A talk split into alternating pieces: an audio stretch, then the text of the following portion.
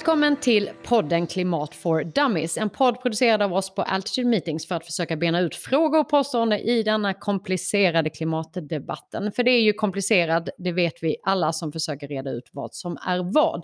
Vad kan jag göra som privatperson som faktiskt gör skillnad? Eller som företagsledare eller medarbetare? Eller ska jag ändå strunta i det? För vad spelar det för roll vad vi gör här i Sverige? Eh, och när någon annan börjar eh, fokusera mer på kol än, än eh, el, än eh, vindkraft, varför ska jag bry mig? Hörni, vi ska försöka reda ut vilka val som jag gör i vardagen som faktiskt kan spela roll. Därför det vi vet är att ingen kan göra allt, men alla kan göra något. Och som eh, poddens namn indikerar, inga frågor är för dumma, utan vad ni än har på hjärtat så ställ frågan till oss i våra olika sociala medier så ska vi försöka bena ut det. Idag ska vi försöka fördjupa oss i denna härliga energifrågan där alla är experter eller tror sig vara experter och vet exakt vad som är vad. Och vi ska försöka få klarhet i vad som egentligen är bra och egentligen dåligt. Eh, och eh, som vanligt så har jag med mig Mattias Gollman som är här fysiskt fortfarande på plats en stund till. Normalt på andra sidan jordklotet. Exakt så. Mm. Eh, och med oss har vi också en expert på området. För att eh, som ni har förstått nu när ni har lyssnat några gånger så ibland är det bara du och jag Mattias. Mm. För försöker vi leka experter jag mindre expert, du mer expert. Jag tycker det brukar gå bra, men idag har vi ännu större Ja, det har vi. Vi har en liksom vi expert på detta område säger vi då. Och det är inte mindre än hållbarhetsprofilen Linda Borenius från Global Challenges Foundation, före detta ordförande i Svensk Vindenergi och 100% förnybart. Och 2019 utsedd till en av de mest inflytelserika kvinnorna i näringslivet av tidningen Veckans Affärer. Välkommen Linda, så roligt att ha med dig här. Tack så mycket, roligt att få vara med. Och nu har du redan hört vad jag har sagt, du kommer ju då bena ut allt eh, i denna komplicerade eh, fråga. Vi befinner oss här i södra Sverige. Eh, vi har stått i, i, inför några månaders extremt höga elkostnader och alla skyller på alla. Eh, när man försöker bena ut det så dessutom så hävdar man att det handlar inte om elbristen utan effektbristen och det handlar om att eh, nu skyller man ju allt på Ukraina och eh, Rysslands hemska eh, krig i Ukraina. Eh, det finns alltid något argument som gör att, att det, det, blir för dyrt eller fel eller inte kan vara helt hållbart. Och det ska vi bena ut. Vad, vad är vad? Och framförallt om vi börjar i änden, hur ser vår liksom, eh, eh, kombination av olika eh, elslag ut i Sverige egentligen? Mm. Eh, ja, men det har ju skett en eh, väldigt stor förändring de eh, senaste åren. Jag, vet, jag, jag började jobba med förnybart och vind 2006. Då stod vindkraften för ja, men 2% av elförsörjningen i Sverige. Ehm, och eh, den stora bulken var ju då vattenkraft och kärnkraft. Eh, sedan dess så är det ju vindkraft som primärt har byggts ut eh, i Sverige och det har ju med kostnader att göra att det är det som har varit det billigaste att bygga ut och eh, den senaste prognosen jag såg från ehm, eh, Svensk Vindenergi är att med alltså redan tagna investeringsbeslut, alltså både det som har byggts men också det som har beslutats att bygga så kommer vindkraften stå för en tredjedel eh, redan eh, 2024. Så att eh, 2024 så kommer vi ha ungefär en tredjedel vind eh, och sen så har vi ungefär eh, ja, resten fördelat på eh, vattenkraft och kärnkraft. Eh, så att det, det har skett en, och sen är ju solen naturligtvis på framväxande eh, men det är framförallt vinden som ökat väldigt mycket. Om vi börjar fråga där kring solen, hur snabbt eh, kommer den in i, i matchen eller jag säga?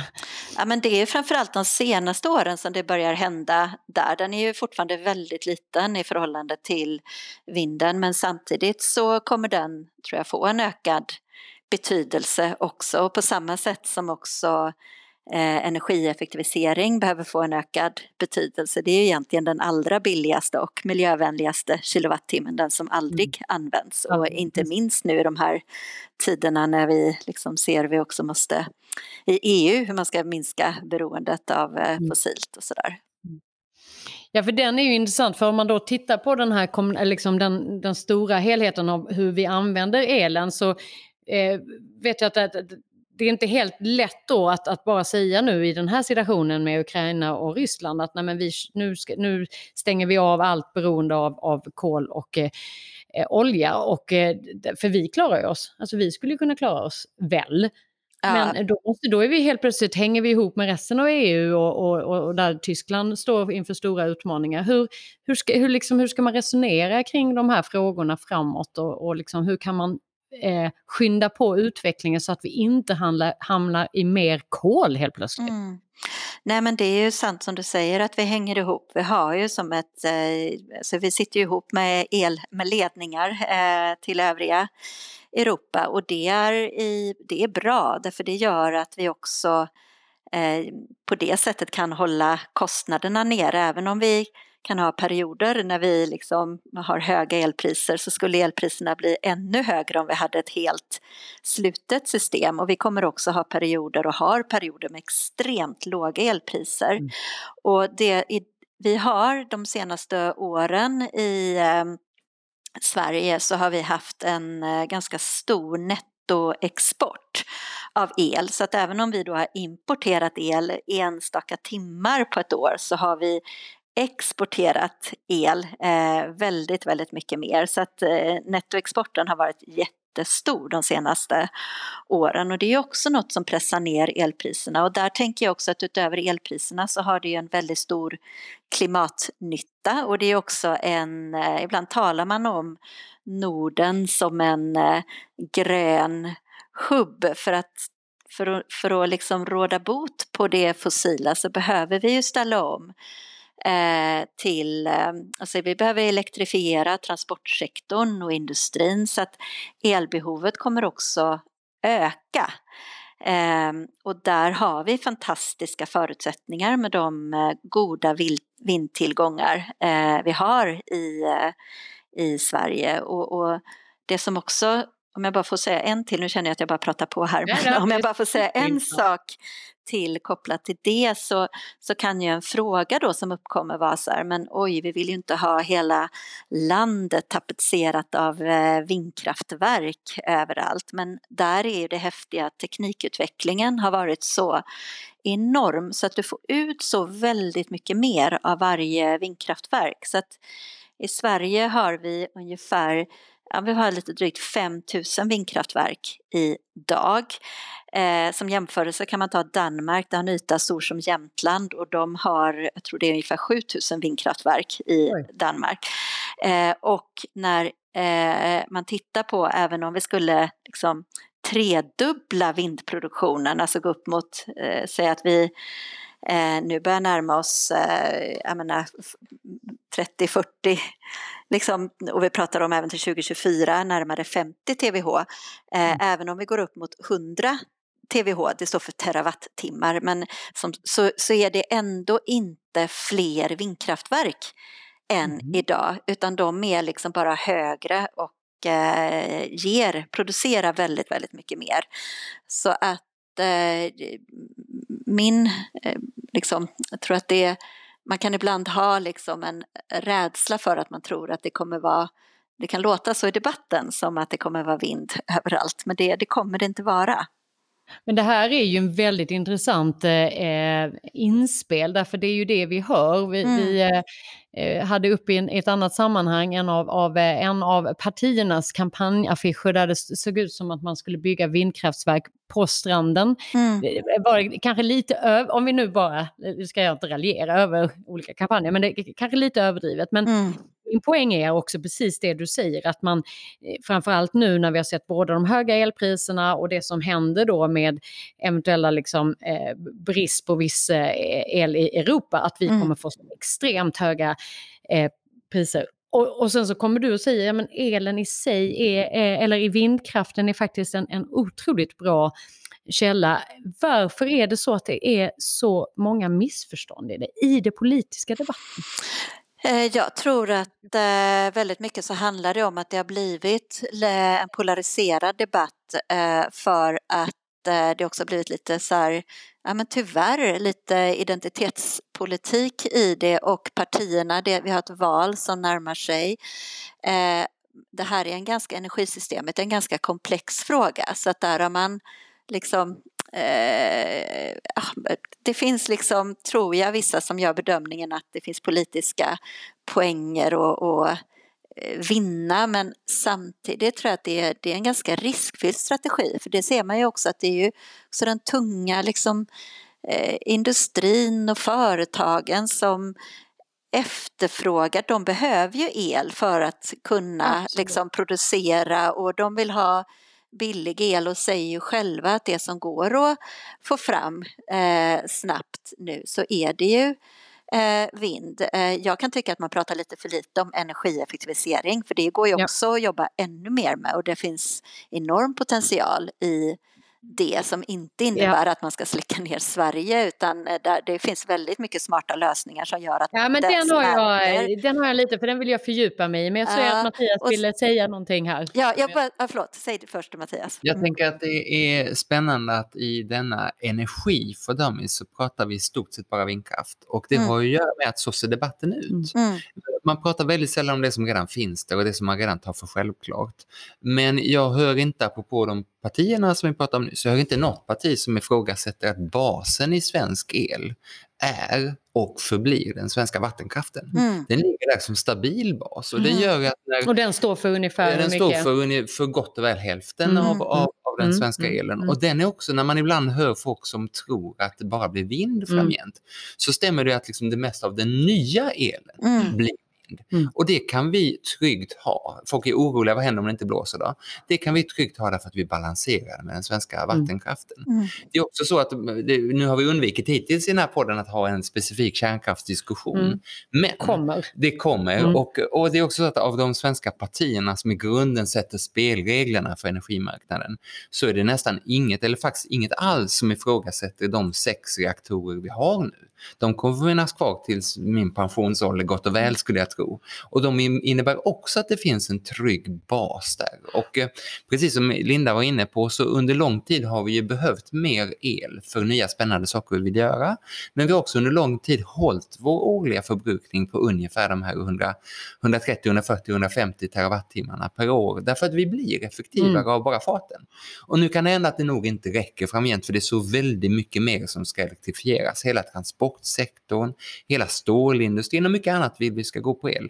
Så behöver vi nog lite mer tillkommande. Men den som är orolig för att eh, det där kommer att vara mer variabel el kan vara trygg. Dels är att vi har ett elektrifierat mm. nät som är ihopkopplat med omvärlden som Linda pratade om. Och det är så att vattenkraften finns där som i grunden. Som en bas. Just det. Men jag eh, vill ändå då knyta an till den här effektivitetsdelen. Jag vet eh, i ett sammanhang i Almedals debatt så hade vi diskussionen om varför det inte läggs mer krut på innovationer kring just energibesparing istället för hela tiden, vi lägger väldigt mycket kraft på nya innovationer för att lösa mer energi till exempel, men väldigt lite på att, att lägga krutet på de som faktiskt gör att vi använder mindre energi. Mm. Den tycker jag är intressant, för det är ju lite det du är inne också på, eller ni båda är inne på. Eh, ser man någonting här att, att eh, vi pratade, tror jag Mattias, lite att nästa taxonomin 2.0, att den skulle ha mer fokus på energismarta lösningar, alltså när vi drar ner energianvändningen. Det finns ju Varsågod Lina. Eh, men jag tror att det kommer hända, att vi, vi kommer se en förändring där. För energieffektivisering har alltid, liksom, upplever jag, betraktats som lite så tråkigt och eh, alltså man har inte heller tyckt man kanske då som svensk inte behövt effektivisera för eh, liksom kostnaderna har varit så små och så vidare. Sen har det såklart ändå skett en effektivisering genom åren i industrin och sådär men potentialen är fortfarande väldigt stor. Och eh, det ser man ju nu att eh, när EU går fram med sina nya paket för hur man ska göra sig oberoende av eh, fossil energi och liksom särskilt då kopplat till Ukraina-krisen och rysk eh, fossil eh, energi så, så pekar man ju helt plötsligt mycket mer på energieffektivisering och det är också jag såg i Tyskland så tror jag det var så, så har man så är det någon eh, liksom man har börjat prata nu om vill göra dig oberoende av Putin, täta dina fönster eh, och det är ganska mm. enkelt sätt mm. liksom mm. så det är inte ens innovationer som behövs det är bara det att man har inte brytt sig om att göra det eh, och på samma sätt så finns det också enormt mycket smarta lösningar som eh, liksom också, som jag tycker är spännande utöver det som Mattias var inne på med vattenkraften som är väldigt bra liksom för att reglera till exempel sol och vind då, som, där produktionen kan gå upp och ner. Och vi har också ledningarna med import och export som går att reglera.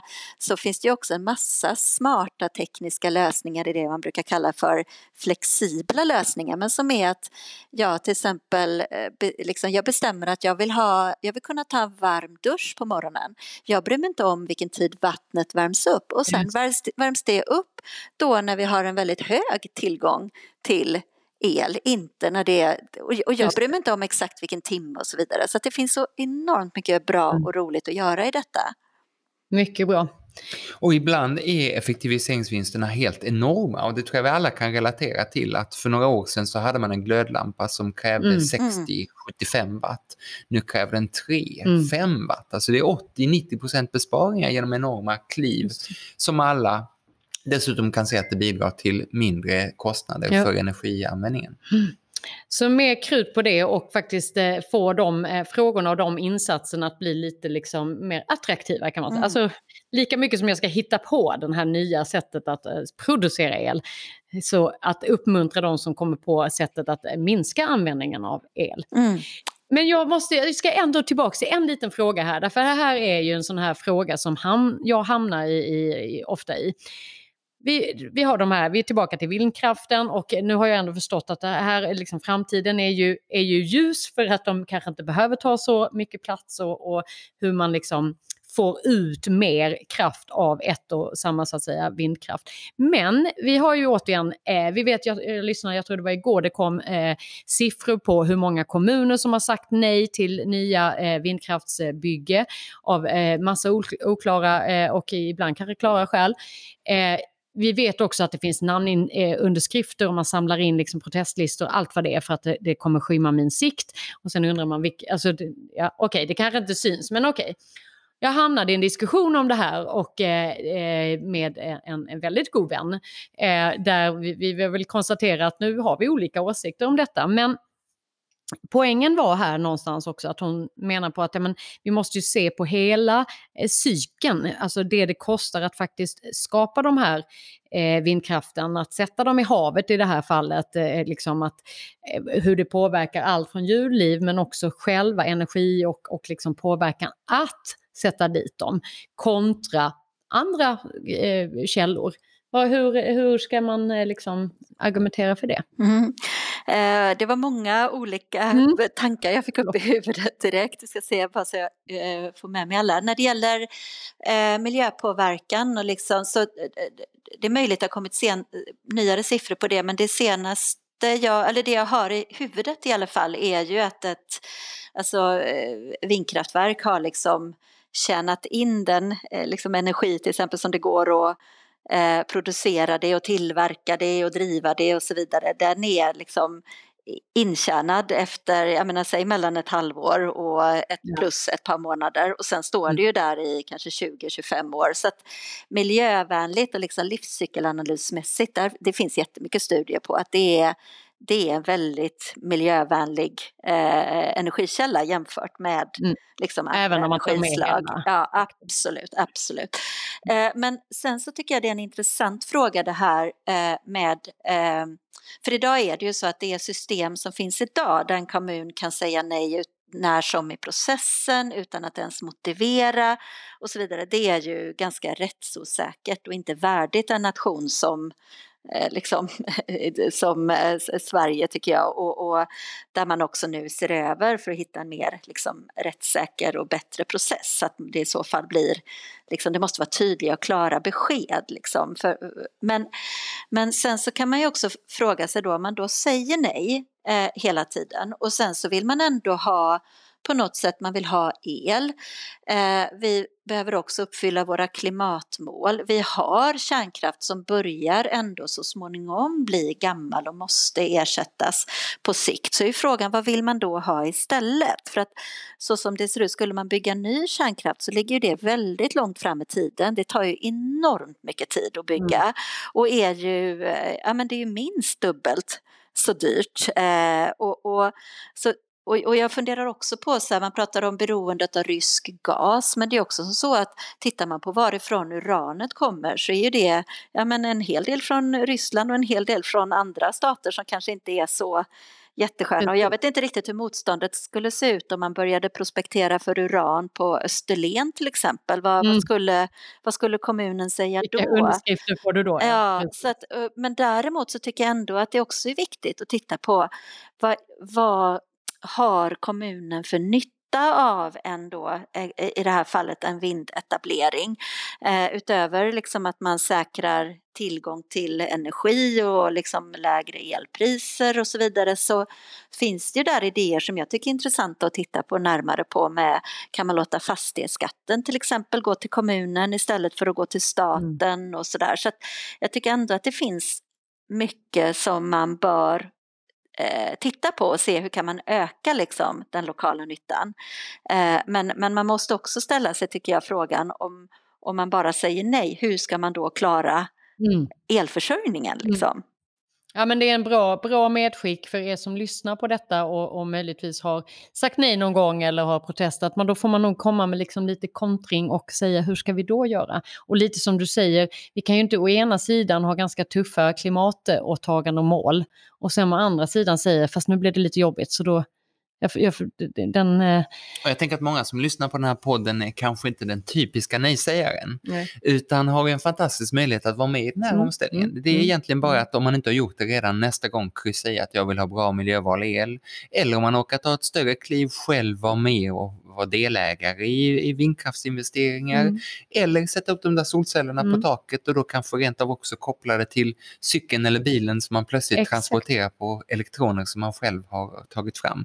Det är också en ganska bra garanti mot de här plötsliga enorma prisstegringarna. Och lite tvärtom också att producerar man egen el mer än man behöver så har man ju plötsligt glädje av att priset är högt för då kan man få mer betalt för elen man gör själv.